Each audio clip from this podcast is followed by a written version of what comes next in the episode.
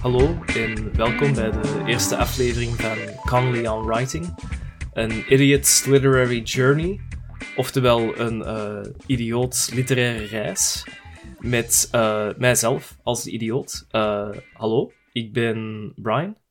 Um, even kort over mezelf. Ik, um, ja, mijn, mijn grootste passie die ik eigenlijk heb, is, is schrijven.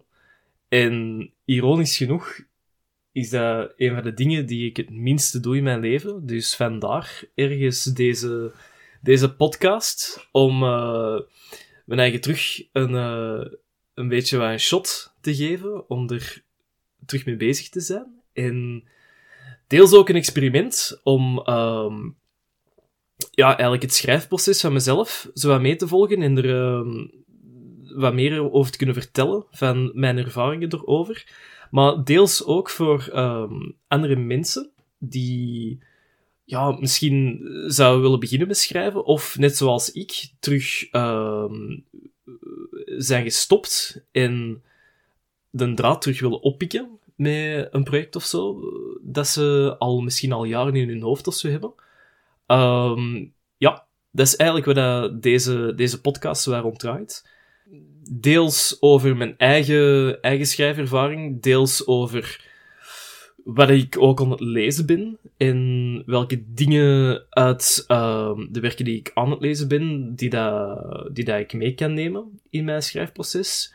En anderzijds ook welke dingen die dat ik aan het lezen ben, die dat niet werken. Uh, dus min of meer uh, wat pitfalls, valkuilen, die je uh, best kunt vermijden in heel je schrijfproces. En um, als, als derde luik eigenlijk wil ik ook nog uh, bepaalde tips en tricks meegeven. Um, of het over uh, bepaalde soort van um, ja, termen en of tropen hebben binnen in het schrijven, om er wat dieper op in te gaan. Uh, dat is ongeveer kort samengevat in die drie luiken dat ik in elke aflevering het over zou willen hebben. Maar bon, we zullen beginnen bij het begin. Hoe je moet beginnen. Um, bij mijn eigen schrijfproces, ja, momenteel, ik, ik ben niet aan het schrijven. Uh, dat is al, oh, al een hele tijd zo. Um, eerder aan het denken om te schrijven, maar er nooit echt goed toe komen, of zo dingen tussendoor. Maar het, uh, het punt hiervan is eigenlijk om uh, een project terug op te starten waar dat ik um, een paar jaar geleden ondertussen mee bezig was. Um, een, uh, een fictieverhaal dat uh, ondertussen um, pakweg voor iets van een 60% uh, eh, klaar is van een eerste versie. En ja, dat is het plan, althans nu. Om um, dit ook te terug te gebruiken voor er terug in te kunnen vliegen. Dus um, ja, voor eigenlijk het, het eerste, eerste deel over mijn eigen schrijvervaring heb ik voor de moment niet echt veel over te melden, want er is gewoon nog niet echt uh, veel gaande nu. Behalve gewoon de, de, de geschiedenis die ik al heb uh, van, van mijn schrijvervaringen. Maar dat is iets dat nog wel, uh, nog gaat terugkomen. Um, deze is ook iets dat ik uh, wil linken aan, uh, aan het uh, derde luik van deze aflevering. oftewel, dus hoe dat je eigenlijk terug begint met schrijven. Of als je nog nooit geschreven hebt, hoe dat je überhaupt begint. Maar op, op vlak van mijn eigen, van mijn eigen project, ehm, ja, ga er vooral in de, in de volgende aflevering wel meer over horen. Hoe dat, juist in zijn werk is gegaan voor de draad er terug van op te kunnen pikken. Um, ik moet wel zeggen dat ik uh, een klein beetje wel schrik heb om er terug in te vliegen, maar langs de andere kant ook wel goesting? Vraagteken. Um, ja, het, het is en blijft wel een oververweldigend iets, maar het is ook iets dat heel vaak op uh, de backburner wordt geschoven, uh, dat vaak wordt weggecijferd, omdat het ook zeker en vast niet simpel is. Schrijven is een van de moeilijkste dingen, vind ik, in mijn leven. Uh, puur omdat het over, ja, over wilskracht gaat. Je bent je eigen, je eigen grootste drempel om je overheen te kunnen zetten. En voor sommige mensen kan dat echt wel een hele grote drempel ook zijn. Maar kijk, uh, alle beetjes helpen. En misschien als je uh, hierop heb geklikt op deze podcast met de intentie om zelf ook te schrijven, weet, je bent niet alleen.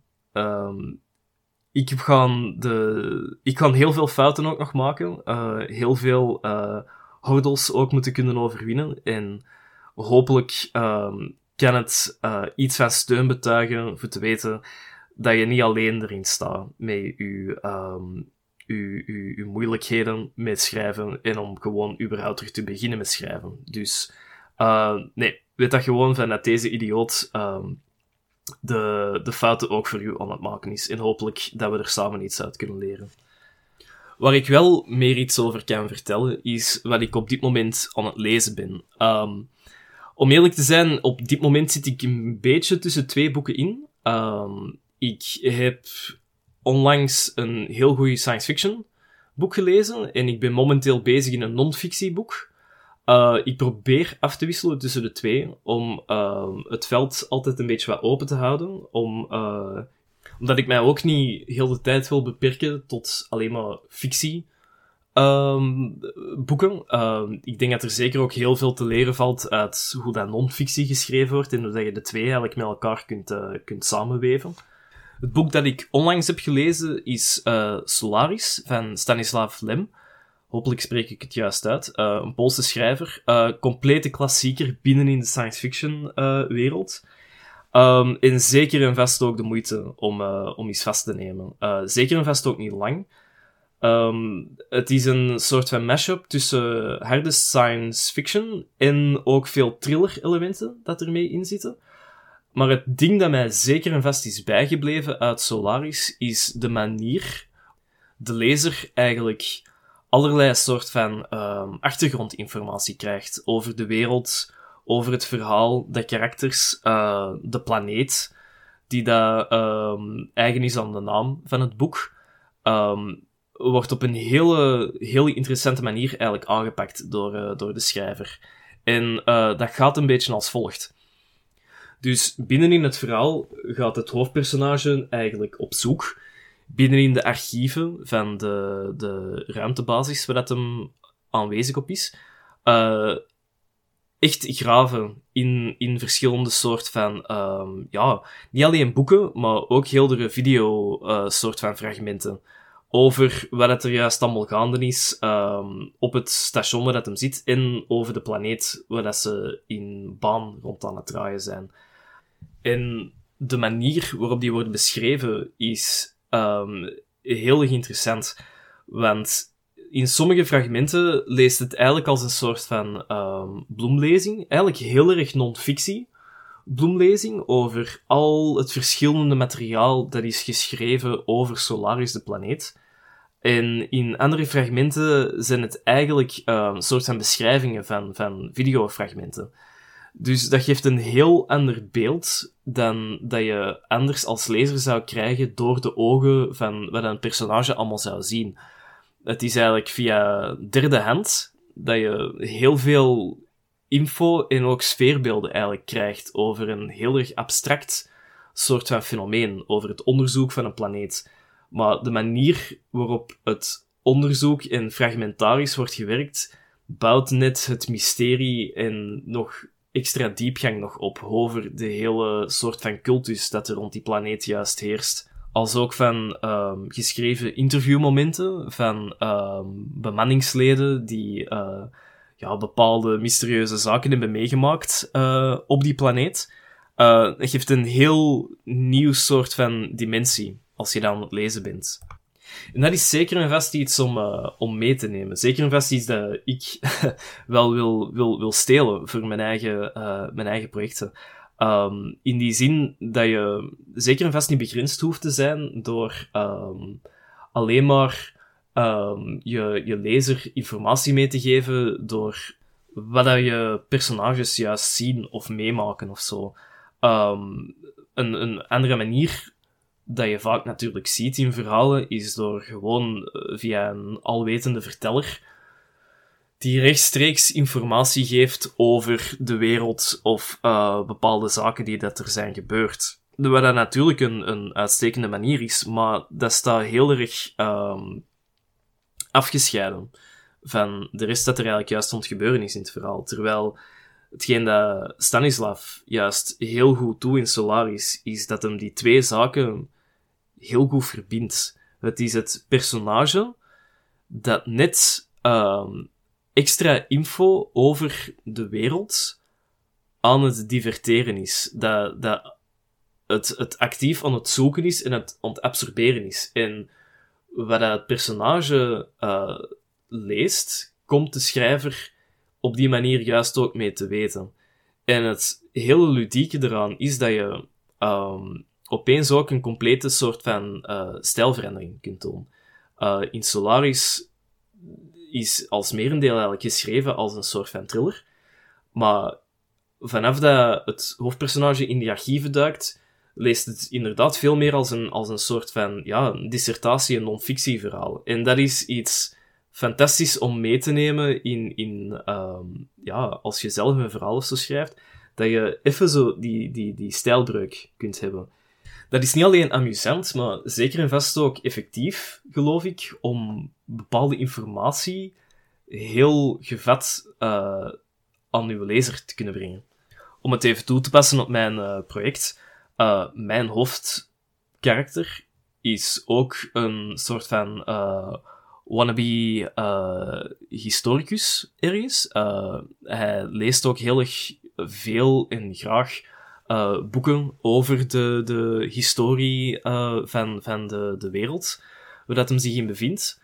Um, en zeker als het een fictieve wereld is, is het uh, wel nodig om aan uh, een lezer bepaalde dingen mee te kunnen geven van uh, plekken waar dat ze komen of hoe dat bepaalde dingen in elkaar steken. Um, om er niet veel dieper op in te gaan, um, is het zeker en vast ook van belang dat het hoofdpersonage in mijn, in mijn verhaal research aan het doen is naar een bepaald soort van object. En juist door zijn kunnen dat het uh, belangrijk is om die codering rond dat object te kunnen, te kunnen kraken. Dus dat is een uitgeknipte opportuniteit om dus met zo van die uh, soort van, van ja, implementatiesystemen te kunnen werken. Um, als um, ergens iets van, van, van een boek uh, van onder stof of zo kan halen, dat over een bepaalde, uh, bepaalde regio of een bepaalde uh, tijdlijn of zo vertelt, dat je als lezer ook mee in datzelfde boek kunt duiken. Uh, dus in plaats van dat het mooi voorgekoud eigenlijk um, zou verteld worden aan, aan de lezer, dat de lezer effectief gewoon mee de tekst in het boek te lezen krijgt en dat je die, ja, die, die, die stijlbreuk er eigenlijk ook mee in hebt. Um, dat lijkt mij zeker en vast het wel waard om, uh, om uit te proberen. Dus we zullen wel zien hoe dit uh, verder gaat. Um, en het huidige boek dat ik op dit moment aan het lezen ben, is, uh, is een non-fictieboek, um, genaamd Who We Are and How We Got Here, door David Reich. Grappig genoeg, toevallig genoeg, de exact dezelfde naam als een vriend van mij, die zeker en vast ook bezig is met schrijven en er ook wel het een en het ander van, van kent. Misschien in de toekomst ook een gastspreker op, op deze podcast, maar we zullen wel zien of dat we hem zover kunnen krijgen. Ik hoop althans van wel, want ik denk dat hij zeker en vast heel veel te vertellen heeft over bepaalde diepgaande zaken in verband van hoe je juist werelden en karakters creëert. Zeer interessant. Maar dus, Who We Are and How We Got Here is een, is een non-fictieboek over eigenlijk het DNA van, van ons als mensen, dat helemaal teruggaat tot in de prehistorie. En eigenlijk gaat kijken van um, waar we juist vandaan komen, welke soort van vertakkingen dat wij als soort hebben meegemaakt. Um, hoe dat ons verleden juist zit rond uh, de, de Neandertalers, zodat de, de Homo sapiens juist tot stand zijn gekomen. En wat dat, juist nog over ons als huidige mensheid uh, juist te vertellen heeft en zo. Nu, het verschilt uiteraard enorm hard van Solaris, in de zin van dat het ja, een wetenschappelijk boek is. Um, er wordt heel veel data in aangehaald en uh, de manier waarop dat ze die data hebben verkregen heel het onderzoeksproces van, ehm, ja, eigenlijk uh, biologisch onderzoek wordt uit de doeken erin gedaan. Dus veel, veel drogere materie dat erin wordt besproken. Maar um, ook opvallend hierbij, en uh, waarschijnlijk ook waarom dat het uh, ja, de New York Times als bestseller uh, wordt genoemd, is de manier waarop dat die informatie wordt ge gepresenteerd naar de lezer toe. David Reich, die over zichzelf deel heeft genomen aan het onderzoek als wetenschapper, vertelt het op zo'n ehm, toegankelijke manier dat het heel vlot ook wel kan lezen. Uh, zeer, zeer belangrijk, zeker als je met iets drogere uh, materie werkt, met veel vakjargon, is om het natuurlijk zo duidelijk en zo vloeiend mogelijk naar een leek, zoals mij, opnieuw een idioot, uh, over te kunnen brengen. En niet alleen over te brengen, maar het ook nog um, ja, smakelijk over te kunnen brengen. En de manier waarop hij dat doet, is um, best wel goed gedaan. Hij gebruikt heel veel beeldspraak um, in bepaalde, uh, ja, bepaalde omgangsmethodes dat ze hebben gebruikt. Uh, waardoor dat je niet te, te hard op een dwaalspoor komt. Uh, hij blijft het tempo er zeker en vast ook goed genoeg in houden. En ja, hij houdt het, het, het vakjargon ook tot een minimum eigenlijk. Of als hij het gebruikt, is het ook genoeg toegespitst op um, de gewone mens zoals jij en ik, dat we alles nog degelijk nog kunnen verstaan. Um, er is zeker en vast ook een soort van chronologie dat hij erin volgt. Dus um, dat houdt het allemaal ook wel super overzichtelijk. Ik denk dat uh, dat zeker en vast een van de dingen is dat we eruit mee moeten nemen. Um, ik heb wel al een paar non-fictieboeken moeten lezen in mijn leven. En um, dit is zeker wel iets dat, dat doenbaar is. Um, dus enorm, enorm belangrijk als schrijver is om ten alle tijde uw publiek mee in gedachten te houden. Um, je kunt natuurlijk ook zeggen van, uh, is dat echt wel nodig? Ja en nee. Um, laat ons ervan uitgaan dat als je schrijft, het wel degelijk met de intentie ook is om gelezen te worden. Um, als je voor jezelf in een dagboek of zo schrijft, dat is goed, dat is therapeutisch, maar dat is niet waar dat deze podcast juist rond draait. Um, ik denk, als we effectief iets uh, op papier willen zetten, is dat wel degelijk met het doel dat andere mensen dat ook gaan lezen. En daarom is het heel erg belangrijk om altijd in gedachten te houden van wie dat juist uw schrijfsels ook gaat lezen. Um, ik denk bovenal dat duidelijkheid uh, een heel erg belangrijk aspect is in wat je schrijft, want dat gaat alles mee bepalen. Um, elke soort van emotie, elke plot twist die dat je teweeg wilt brengen, gaat staan of vallen met hoe duidelijk dat je die ook uh, naar, je, naar je publiek eigenlijk toebrengt. En dus zelfs in heel droge teksten kan figuurlijke beeldspraak u een heel eind vooruit helpen om niet alleen de zaken duidelijk over te maken aan de lezer, maar dus ook het op een heel erg uh, ja, leuke manier ook over te kunnen brengen. Uh, bijvoorbeeld, Reich praat erover hoe we slechts maar zoveel duizenden jaren terug in de tijd kunnen gaan door DNA-sequenties te vergelijken met uh, ja, beenderen die we vinden met ons eigen DNA. Um, en alles daarachter is eigenlijk een mysterie. En hij beschrijft dat een beetje als, uh, een, met de termen van de fysica, als een, een zwart gat waarin uh, geen enkele vorm van data nog uit kan ontsnappen. En dat geeft wel ineens een veel beter beeld van hoe uh, bepaalde soort van ja, vaktechnische uh, eigenschappen juist um, hun, hun, hun plaats hebben binnenin dat onderzoek. Denk eraan dat wij als mensen, ja, zelfs toen nog maar net als uh, Homo sapiens door het leven gingen, altijd al een, een verhalend sociaal beest zijn geweest. Um, je zou kunnen stellen dat heel onze, uh, onze beschaving tot stand is gekomen juist door uh, orale overgedracht en uh, het, de, de kunst van verhalen te kunnen vertellen. En binnenin dat vertellen is die beeldspraak net ook zo belangrijk. Want ik denk dat, dat mensen als geen enkel ander wezen op deze planeet enorm uh, fantasierijk vermogen hebben. En dat wij juist abstract kunnen nadenken door uh, ons visueel dingen voor te kunnen stellen die er niet in de werkelijkheid voor onze neus staan. En daarbij zijn, zijn zaken zoals beeldspraak juist enorm effectief om informatie op een heldere manier over te kunnen brengen.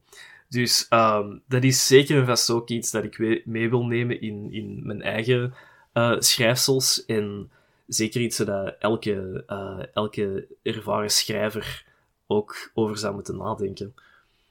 En uh, last but not least, om uh, af te sluiten als derde luik van deze aflevering, uh, de misschien wel ultiemste tip die ik kan meegeven aan iedereen die, die graag zou willen beginnen met schrijven of terug de draad dus wilt oppikken, evenals mezelf, is natuurlijk hoe begin je eraan?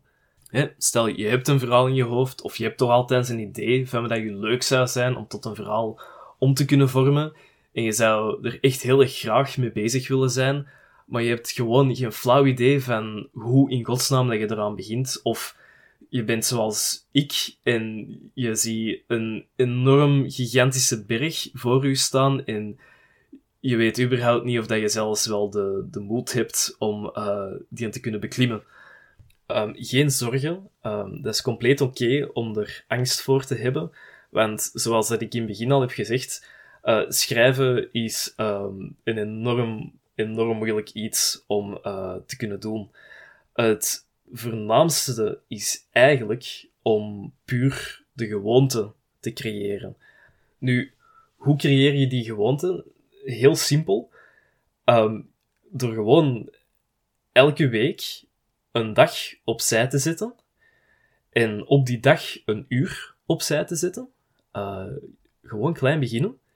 En in dat uur u compleet te focussen op te schrijven. En zelfs als je merkt voor de eerste paar keer dat je niet echt überhaupt zelfs aan het schrijven bent in dat uur en gewoon gefrustreerd naar je pc zit te staren, dat is oké. Um, zolang als dat je consequent elke week die dag een uur uh, althans probeert om ermee bezig te zijn, ben je laag per laag een gewoonte aan het opbouwen. En je zult zien, op den duur gaat er wel iets uitkomen. En resoluut, als je daarmee bezig blijft en um, elke week, al is het maar een paar honderd woorden schrijft, die dingen tellen op. Na een maand, een jaar, ga je überhaupt veel meer hebben dan dat je nooit uh, de stap zou gezet hebben of de tijd zou genomen hebben om, om ermee bezig te zijn. Um, elke grote bestselling schrijver zijn of haar geheim komt er min of meer op neer. Er is geen geheim. Het is gewoon veel tijd, hard werk en passie. Zoals met de meeste zaken wel. Nu, hoe je juist begint, is niet zo heel belangrijk. Het gaat er gewoon om dat je iets aan het schrijven bent. Een van de dingen die ik vaak tegen mezelf verhaal is dat uh, First Draft, een eerste kladversie, totaal niet goed hoeft te zijn. Um, zeker niet. Het, het zou ook raar zijn als je je eerste klas, kladversie ineens wel goed zou zijn. Um, dat is niet hoe dat het werkt de, de verhalen die dat je leest, die worden pas echt um, optimaal goed na heel veel gesleutel. Uh, heel veel dingen, stukken die terug herschreven worden. Nee, nee, het belangrijkste van hetgeen dat je als eerste versie hebt, als eerste schrijft, is dat het er gewoon is. En niks meer en niks minder dan dat. Je moet je helemaal nog geen zorgen maken of dat het, uh, dat, dat grammaticaal en zo helemaal juist zit, of dat het tempo goed zit, of dat je de juiste woordkeuze hebt gebruikt, of dat je je karakters wel goed hebt neergezet. Dat is allemaal echt nog niet zo belangrijk. Um, het belangrijkste is, is dat je nu gewoon al iets op papier hebt staan, wat je later wel degelijk om kunt werken en dan later kunt zien dat het tempo goed is, dat die karakters goed neergeschreven staan en zo. Maar in de eerste plaats dat je gewoon puur al de klei hebt om verder uh, nog later nog aanpassingen aan te kunnen door uh, te kunnen kneden en stukken weg te halen, stukken bij te plakken. Um, schrijven is zeker en vast geen lineair proces. Uh, het is zeker iets dat je in, in, in stukjes doet. Er is ook niks dat dicteert dat je überhaupt moet beginnen bij het begin van je verhaal. Um, dat, dat hoeft echt niet zo te zijn. Je kunt perfect ergens in het midden beginnen in medias res. En um, schrijven vanuit de veronderstelling dat je eigenlijk al de helft ergens op papier hebt staan. En later gewoon het begin beginnen te schrijven. Dat zijn dingen waar je mee kunt experimenteren natuurlijk. Um, voor sommige mensen is het misschien logisch dat ze compleet van, van nul starten. Voor andere mensen is er misschien een bepaalde scène die enorm hard uh, in hun hoofd steekt. En dat je dat als beginpunt kunt gebruiken. Ook al zijn er misschien tientallen, misschien zelfs honderden pagina's die eigenlijk ervoor ook nog gebeuren. En ook interessant zijn om eerst nog neergeschreven nog te worden. Maar dat kun je achteraf perfect nog doen. Nu, ik spreek over een uur opzij te zitten. Het hoeft ook niet per se een uur te zijn. Het hoeft ook niet per se tijdsgebonden te zijn. Je kunt ook zeggen van, ik wil één dag in de week mij ertoe aanzetten om iets te schrijven en ik wil bijvoorbeeld duizend woorden gewoon hebben staan in mijn document. Dat gaat perfect. Uh, het hele aspect juist van die gewoonte is dat je elke keer wel blijft terugkomen.